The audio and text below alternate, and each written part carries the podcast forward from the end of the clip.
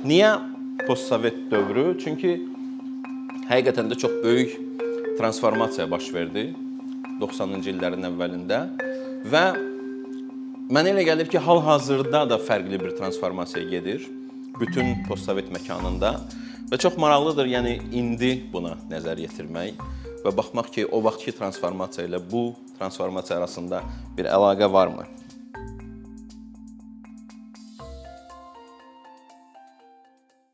Birincisi, gəlin ondan başlayaq ki, niyə siyasi fəlsəfi baxış? Sadəcə siyasi deyil və sadəcə fəlsəfi deyil. Siyasət fəlsəfəsi bu maraqlı bir bölümdür, əslində fəlsəfənin maraqlı bir bölümüdür. Və ya siyasət elminin maraqlı bir bölümüdür ki, burada baş verən hadisələrdən daha çox o hadisələrin arxasında duran fikirlər, ideyalar müzakirə olunur. Yəni ə, mövzular mövzuların əsaslandırılması, hadisələrin əsaslandırılması, hansı ə, tarixi fikirlərin, ideyaların üzərində qurulması daha vacibdir, nəinki hadisələrin özü.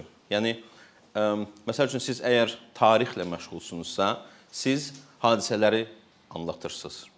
Yəni o qədər də nəyin nə üçün baş verdiyini əsaslandırmaq məcburiyyətiniz yoxdur.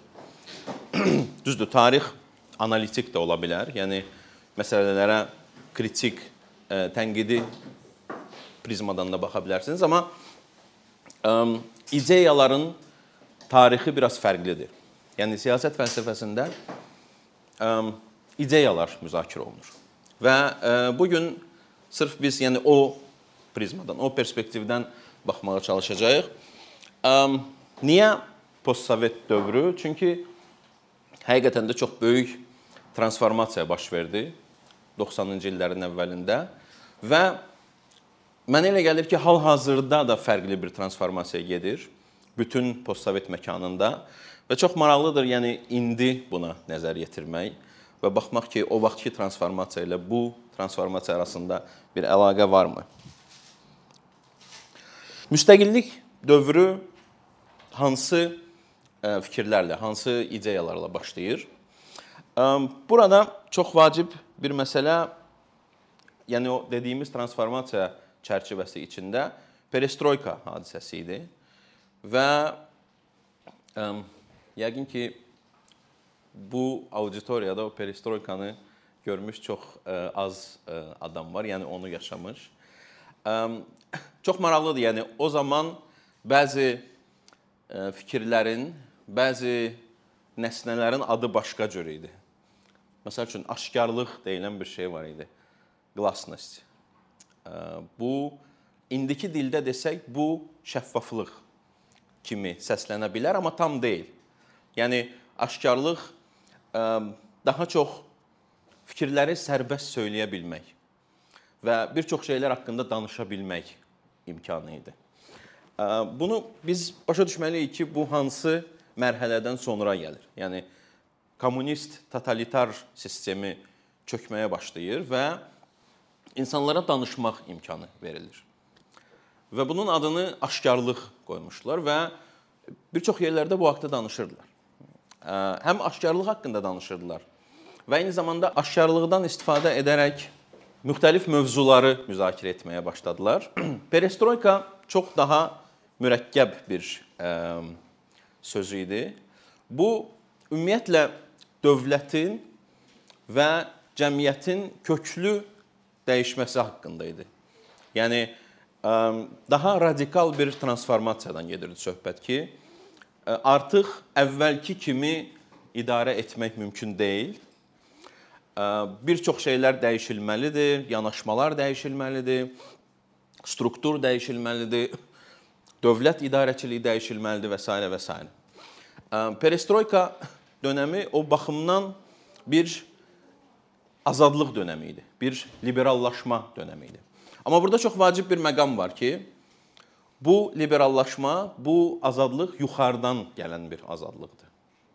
Yəni Bizə çox zaman elə gəlir ki, azadlıq aşağıların mübarizəsi nəticəsində əldə edilən bir ə, məsələdir. Yəni tarixə baxsaq biz görərik ki, məsələn Avropa tarixində hüquqlar uğrunda mübarizələr olubdu. Magna Xartalar olub, müxtəlif hüquqla bağlı qanunlar qəbul olunub və s. və s. hüquqlar. Amma tarixin çox böyük bir qismində yuxarıdan aşağı enmə liberallaşdırma var. Yəni azadlığı yuxarıdan elitalar verir. Bu yaxınlarda Polşa ilə bağlı bir müzakirədə mən iştirak edirdim və orada da çox vacib bir məqam var idi ki, 80-ci illərdə Çexoslovakiyada, Polşada və s. baş verən məxməri inqilablar ona görə mümkün oldu ki, Sovet İttifaqı çökməyə başladı və artıq əvvəlki kimi kontrol eləməyə, nəzarət eləməyə nə gücü var idi, nə həvəsi var idi. Yəni yuxarıdan bir boşluq yaranır, bir imkanlar yaranır və o aşağı doğru getməyə başlayır. Burada çox maraqlı bir məsələ də yeni təşkilatların yaranmağı məsələsi idi. Həm Azərbaycanda, həm də digər ölkələrdə, Qafqazda, məsəl üçün Gürcüstan, Ermənistan və Baltik ölkələrində xalq cəbhələri yaranmağa başlayır. Bunun çox maraqlı ə, tarixi var. Baltik ölkələrində bu ilk yaranır və çox aktiv bir formada inkişaf eləməyə başlayır. Və adı da çox, yəni ə, çox radikal olur, yəni cəbhə. Çox vaxt xalq cəbhəsi ə, formatı, forması bu ə, daha çox müharibələr zamanı, inqilablar zamanı və s. istifadə olunan formatdır. Və bu cür təşkilatlar formalaşmağa başlayır və bunlar müstəqillik haqqında danışmağa başlayırlar. Müstəqillik ideyası burada çox maraqlı bir məsələ də var ki, müstəqillik ilə azadlıq burada demək olar ki, qarışdırılır bir-birinə.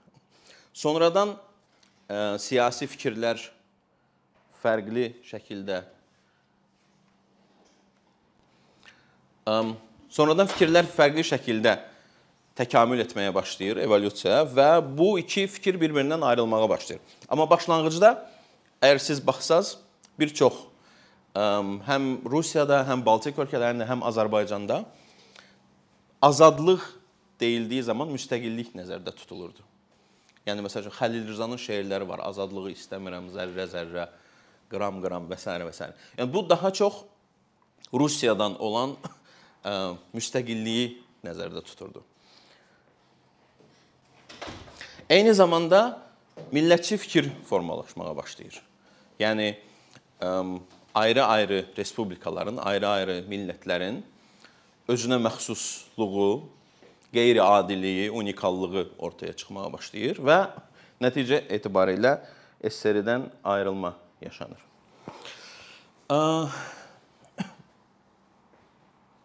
Bu dönəm keçir və 90-cı illər başlayır. Yəni ölkələr müstəqilləşir və tamamilə fərqli bir səhnə formalaşır artıq. Yeni dövlətlər var. Onlar müstəqil dövlətlərdir, suverendir. Öz administrativ sistemlərini qururlar. İqtisadiyyat formalaşmağa başlayır və yeni bir cəmiyyət ortaya çıxır. Bu cəmiyyəti müəyyən edən çox maraqlı xüsusiyyətlər var. Yenə də azadlıq ideyasına qayıdırıq. Bu azadlıq ideyası artıq biraz fərqli azadlıq ideyasıdır. Yəni burada ə, fərdiyyətçilik önə çıxmağa başlayır. Yəni keçmiş kommunist sistemində, Sovet sistemində totalitar bir təfəkkür var idisə, kollektivist bir təfəkkür ki, bütün cəmiyyət müəyyən bir ideya uğrunda birləşməlidir və müəyyən bir ideya ilə yaşamalıdır. Bu artıq sarsılmağa başlayır və insanlar fərd olmağa başlayırlar və ə, belə deyək, hər kafadan bir səs çıxmağa başlayır. Ə, insanlar müxtəlifləşirlər sanki. Ə, eyni zamanda yeni bir xüsusiyyət formalaşır və bu bazar məsələsidir. Kapitalizm, istehlak, pul və s. bu daha çox rol oynamağa başlayır insanların həyatında və ə, hətta çox maraqlı bir termin var bu dönəm ilə bağlı. Bazar bolşevizmi deyirlər, market bolşevizm. Çünki bu prosesin başlanğıcında buna inanmış çoxlu insanlar var idi. Yəni bolşeviklər qədər inanmış insanlar var idi ki, azad bazar iqtisadiyyatı olmalıdır. Azadlıqlar o qədər olmalıdır ki, yəni bütün o əngəllər ortadan qalxsın və yəni totalitar sistemlə mübarizədə bir bolşevik yanaşma formalaşırdı. Eyni zamanda dünyaya bir açılma yaşandı. Yəni insanlar başqa ölkələri tanımağa başladılar, səyahət etməyə başladılar və müqayisələr başladı. Və 90-cı illər, 2000-ci illər bir çox insanlar postsovet məkanında həmişə öz ölkələrini başqa ölkə ilə müqayisə edirdilər. Xüsusilə də Qərbi Avropanın inkişaf etmiş ölkələri, Amerika ilə və burada Avropa məsələsi çox ə, vacib istinad nöqtəsidir. Və çox maraqlıdır ki, ə, bu yaxınlarda biz ə, məsəl üçün mən Bolqar həmkarlarımla söhbət eləyirdim. Çexlər və ya Bolqarlar və görürəm ki, onlar da Avropaya istinad edirlər. Yəni onlar deyirlər ki, Avropada filan şey daha yaxşıdır məsəl üçün. Və mən onlardan soruşdum ki, bəs Bolqarıstan, Çexiya, Rumıniya bura Avropa deyil. Çox maraqlıdır ki, Avropa deyildiyi zaman daha çox Qərbi Avropa nəzərdə tutulur. Heç Qərbi Avropanın tamamı da deyil, yəni ən inkişaf etmiş hissəsi, məsəl üçün Portuqaliya nəzərdə tutulmur deyəndə ki, Avropada hər şey yaxşıdır. Məsəl üçün və ya daha çox Hollandiya, Almaniya, İsveçrə, Skandinaviya ölkələri və s. Çox vacib bir məqam burada yenə də o cəmiyyətin içindəki sosial münasibətlərin transformasiyası və xüsusilə də gender və qadınlar məsələsi ortaya çıxır. Yəni Sovet sistemi, kommunist sistem qadınları ənənəvi cəmiyyətdən biraz daha müasir cəmiyyətə daşımışdı. Yəni bu dəyişiklik olmuşdu.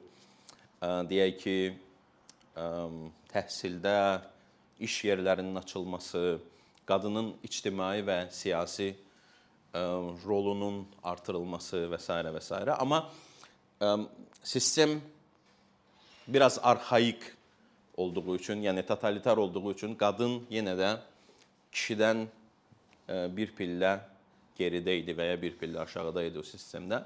Ə, bu artıq sorğulanmağa başlayır yeni dövrdə.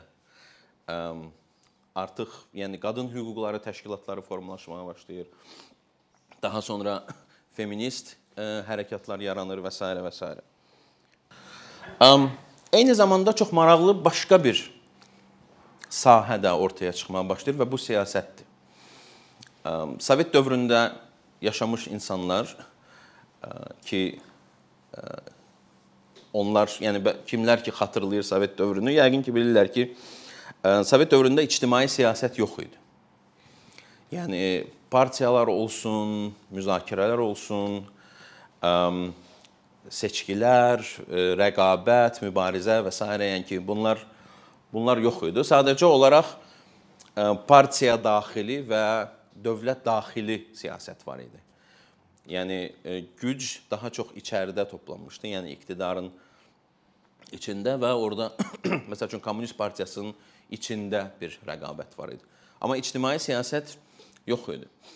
Və yeni dövrdə siyasət anlayışı ortaya çıxmağa başlayır. Və bir çox ölkələr onlar demokratiya idealını seçirlər və demokratik yolla gedəcək hədəfini qoyurlar.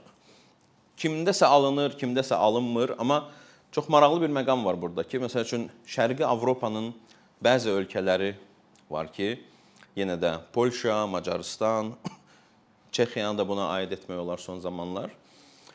Orada hal-hazırda demokratiyadan geri çəkilmələr yaşanır.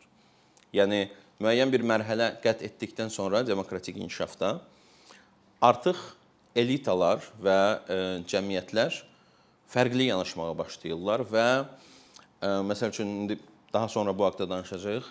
Viktor Orbanın ə, illiberal democracy, qeyri-liberal demokratiya ə, deməli konsepti var ki, ə, kifayət qədər çoxlu tərəfdar ə, toplayır hal-hazırda Avropada, xüsusilə də miqrantların artımı ilə bağlı və s. yəni çoxalması ilə bağlı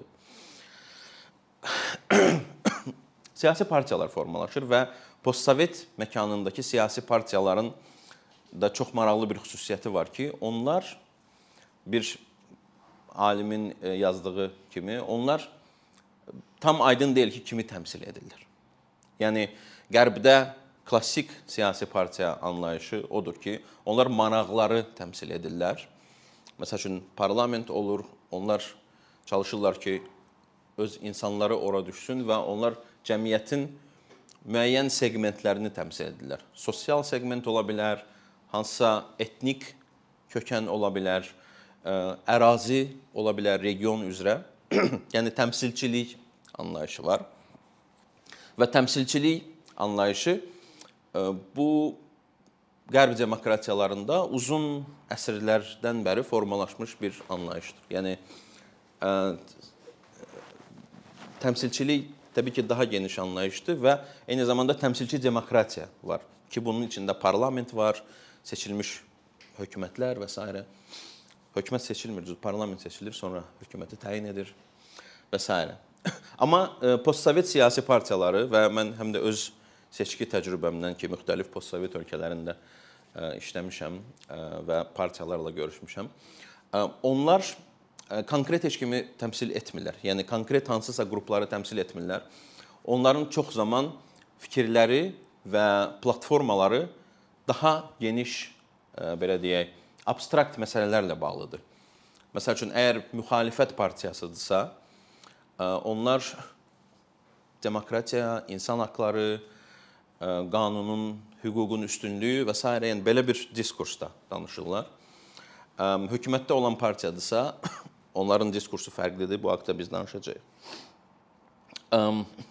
Və iki demək olar ki, fərqli diskurs formalaşmağa başlayır postsovet məkanında. Onların biri liberal demokratik diskursdur. Dediyim kimi, yəni bu daha çox müxaliflərin diskursu olur. Yəni diskurs o deməkdir ki, fikirlər, mesajlar, platformalar və s. və s.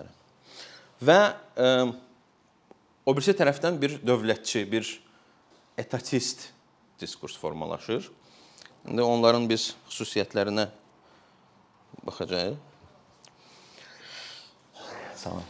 Um, liberal demokratik diskurs çox zaman um, geosiyasi olaraq qərb ilə bağlıdır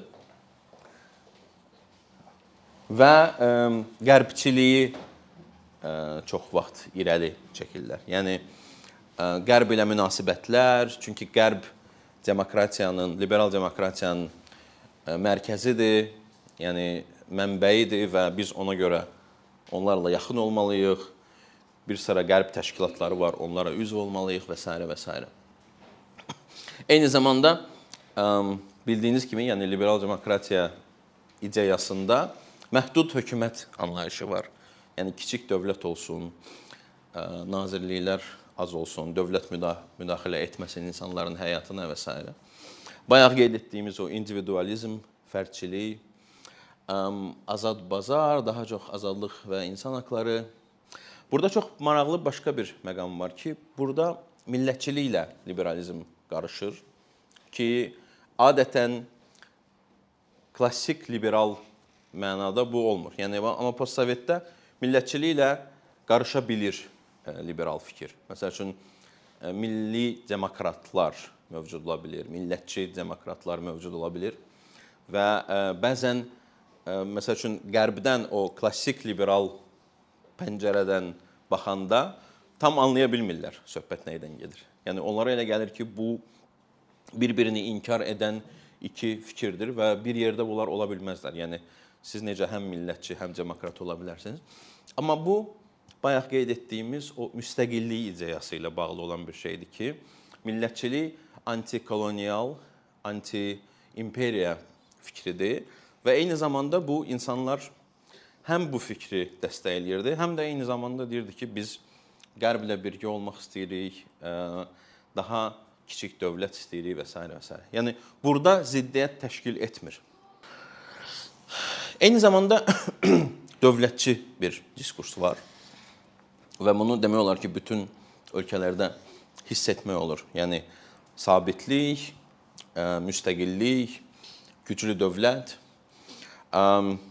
Burada çox vacib bir məqam ondan ibarətdir ki, bu fikri təşkil edən bir bu fikri bu fikrin arxasında duran sanki bir siyasi partiya var və bu çox zaman keçmiş nomenklatura olur, bürokratiya olur. Hansı ki dövləti Sovet zamanından dövlətin içində formalaşmış bir qrupdur və demək olar ki, bütün postsovet dövlətlərində o qrup düzdür, başlanğıcda olmasa da bir müddət sonra iqtidarı təşkil etməyə başlayır. Və burada bir davamlılıq məsələsi var ki, Sovet dövründə formalaşmış bir dövlət var idi və o dövlətin davamı yaşanır. Çox çox maraqlı məqamdır bu. Çünki əslində Sovet dövləti çalışırdı ki, yerlərdə dövlətlər və millətlər formalaşmasın. Yəni onlar məsəl üçün Stalin siyasəti ondan ibarət idi ki, millətçilik olmasın. Yəni millət formalaşmasın və mümkün olduğu qədər bunu əzməyə çalışırdılar. Məsəl üçün dil siyasəti vasitəsilə, köçürmələr vasitəsilə və s. və s.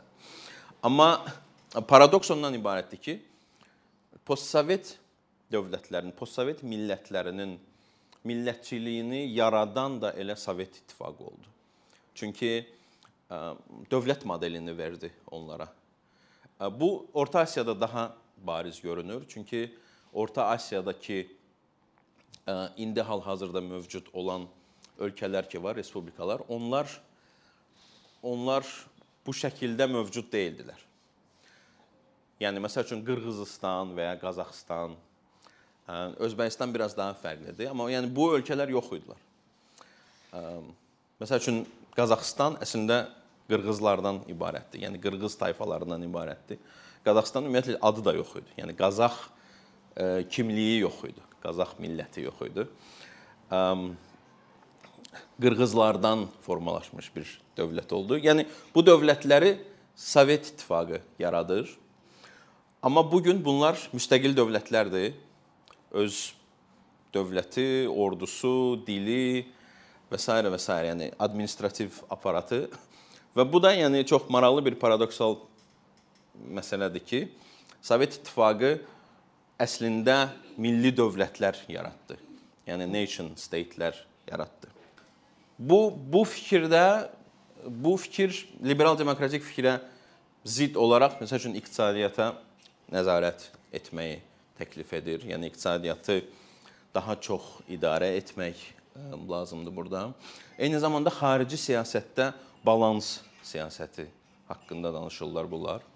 Burada fərqli bir məsələ də ondan ibarətdir ki, müxalif olan, məsəl üçün liberal demokratlar onlar müxalifətdə olduğu üçün dövlətin xarici siyasətdəki məsuliyyətini hiss edə bilmirlər və onlar çox zaman bir tərəfli yanaşırlar. Burada təbii ki, fərqli ölkələr var. Məsəl üçün Gürcüstan Gürcüstanın xarici siyasətində balans o birilərdən nisbətən biraz daha azdır. Gürcüstan, Ukrayna və s.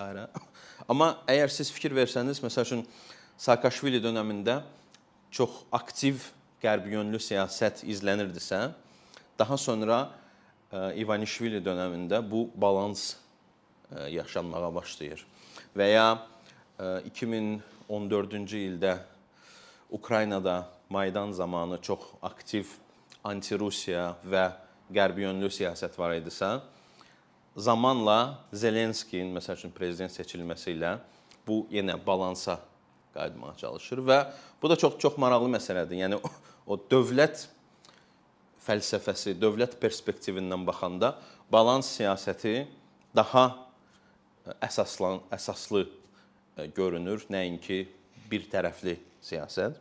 Bunu bir çox ölkələrdə, məsəl üçün Belarus üçün bu çox vacib, çox maraqlı bir məsələdir. Çünki onlar Rusiyadan asılılıqlar, asılılıq asılılıq çoxdur Belarusun. Belarus iqtisadiyyatı Rusiyaya çox bağlıdır. Oradan nefti imtiyazlı qiymətlə alırlar, sonra emal edib Avropaya satırlar və s. və Rusiya məsələn o neft qiyməti ilə oynamağa başlayanda Belarusda hər zaman böhranlar yaşanır və hökumət çox çətin vəziyyətə düşür. Ona görə Rusiya ilə münasibətləri çox yaxşı saxlamalıdırlar. Yəni poza bilmirlər.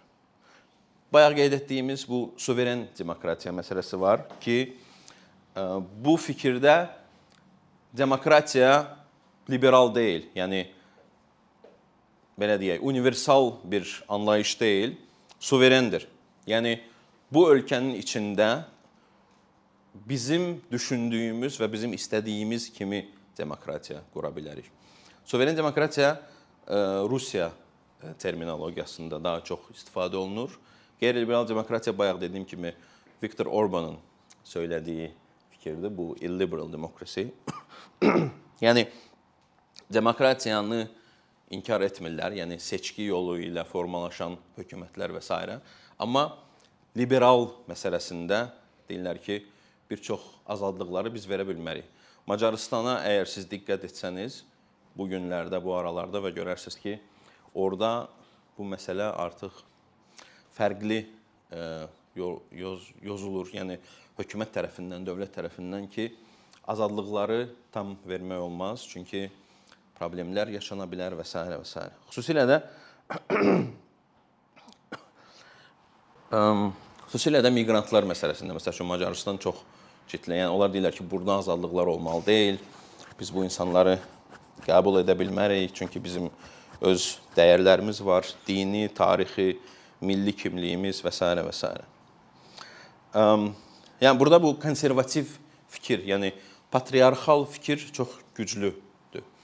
Və eyni zamanda bu cəmiyyətlə bir bağlantı yaradır, bir kanal yaradır. Xüsusilə cəmiyyətin konservativ, patriarxal və millətçi kəsimi ilə bir platforma qurulur.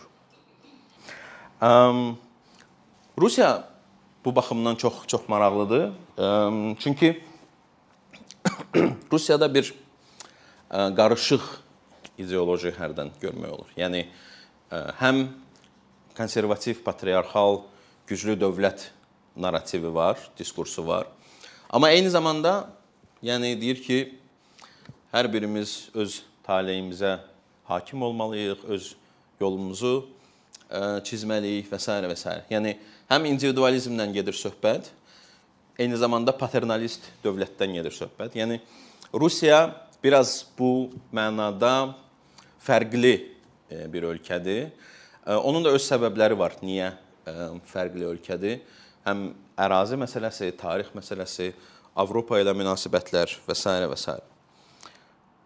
Burada çox maraqlı bir vətəndaş cəmiyyəti konsepti də var. Yəqin ki, çox eşidirsiniz, çoxunuz özünüzü onun bir hissəsi kimi hiss edirsiniz və s. və s. Bu da yəni yeni bir fikirdir, müstəqillikdən sonra gəlmiş bir fikirdir. Amma tam hələ də aydın deyil ki, yəni bu vətəndaş cəmiyyəti nədir, kimlərdir? Bəzən mediada bunun içindədir, siyasi partiyalarda, QHT-lər də və s. Belə bir daha daraldıcı belə bir fikir var ki, ancaq QHT-lər vətəndaş cəmiyyətidir. Ona görə çox zaman vətəndaş cəmiyyəti haqqında danışanda QHT-lər nəzərdə tutulur. Bunun da içində çox fərqli yanaşmalar var. Liberal və dövlətçi yanaşma var. Məsəl üçün Rusiya deyir ki, vətəndaş cəmiyyəti, Rusiya dövləti deyir ki, vətəndaş cəmiyyəti dövləti tənqid edən bir qüvvə ola bilməz, olmamalıdır. Yəni liberal yanaşmanın əksinə Yəni liberal yanaşma deyir ki, vətəndaş cəmiyyəti dövləti kontrol eləməlidir, sual verməlidir. Məsələn, jurnalistlər məsəl üçün vətəndaş cəmiyyəti gedirlər, sual verirlər dövlətə və s. Rusiya deyir ki, yox. Yəni vətəndaş cəmiyyəti kömək eləməlidir dövlətə. Yəni dövlətin bir parçasıdır əslində və kömək eləməlidir ki, biz problemləri bir yerdə həll edək və s. və s. Gürcüstanda 2003-cü, 2004-cü illərdə çox maraqlı bir proses getdi. Saakashvili hakimiyyətə gələndə bütün vətəndaş cəmiyyəti keçdi hökumətə. Və vətəndaş cəmiyyətin yeri boş qaldı.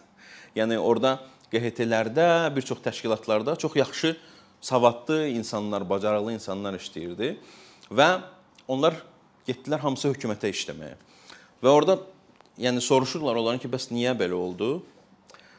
Saakashvili hakimiyyəti onlar deyirdilər ki, əslində yəni ehtiyac yoxdur, yəni vətəndaş cəmiyyətinə. Dövlətin içində olsunlar o insanlar, ağıllı, savadlı insanlar və məsələləri biz belə həll edək. Yəni kənarda olmaqdansa dövlətin içində olsunlar. Və e, təbii ki, çox maraqlı gözləntilər formalaşır dövlət ilə cəmiyyət arasında. Onlardan biri təmsilçilik ilə bağlıdır. Və hal-hazırda bir çox e, ölkələrdə e, seçki söhbətləri gedir. Kim kimi təmsil etməlidir? Seçkilər necə olmalıdır, parlament necə formalaşmalıdır və s. və s. Bu təmsilçiliklə yanaşı eyni zamanda yaxşı idarəçilik məsələsi var. Yəni bir çox yerlərdə, məsəl üçün Orta Asiyada təmsilçilik o qədər də önəmli deyil, amma yaxşı idarəçilik daha önəmlidir. O mənada ki, məsəl üçün demokratik yolu o qədər də tam insanlar inanmırlar, qəbul etmirlər və s. Amma yaxşı dövlət olmalıdır, yaxşı hökumət olmalıdır və problemləri həll etməlidir insanlar üçün. Bu daha vacibdir. Hüququn üstünlüyü və sosial rifah məsələsi sosial rifah get-gedə həqiqətən də artan bir gözləntidir insanlar tərəfindən.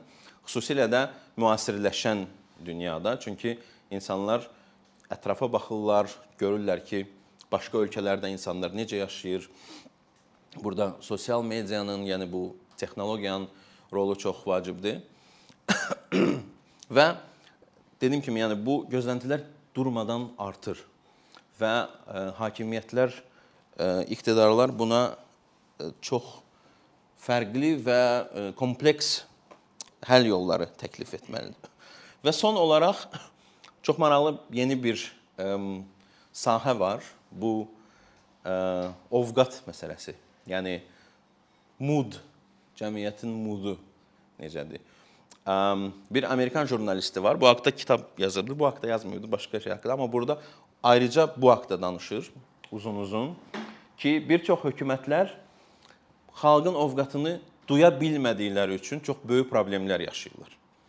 Yəni insanlar nə istəyir məsələsi. Çünki bəzən hökumətlər o deyək ki, məsəl üçün sosioloji sorğu təşkilatları var Deyirlər ki, bunlar lazım deyil və o feedbackləri ala bilmirlər insanlardan. və bu çox get-gedə həssaslaşan bir məsələdir. Yəni və bunu müxtəlif yollarla həll etmək ə, cəhdləri var. Məsəl üçün Rusiyada çox maraqlı bir şey düşünüblər. İctimai palata adlanan bir qurum yaradıblar prezidentin yanında və ora müstəqil insanları yığıblar. Hüquqşünaslar, QHT-lər, cəmiyyətdə nüfuzu olan insanlardır. Onlar xalqın əhval-ruhiyyəsini öyrənib hökumətə çatdırırlar, dövlətə çatdırırlar. Və eyni zamanda общественные приемные, ictimai qəbul otaqları yaradıblar minlərlə bütün ə, ölkə üzrə və insanlar, vətəndaşlar gəlirlər ora şikayət eləyirlər, öz problemləri haqqında danışırlar və s. Yəni təmsilçilik olmayan yerlərdə, pluralist partiya sistemi olmayan yerlərdə məsəl üçün Rusiya kimi, orada bu jurnalist deyir ki, bu məsələləri bu cür həll eləyirlər, bu mexanizmlərlə həll eləyirlər. Bu ilə bağlı bu yaxınlarda mən bir yazı da yazmışdım. Belə, yəni təxminən belə bir qısaca bu haqqda danışdıq. Dövlət və cəmiyyət münasibətləri postsovet məkanında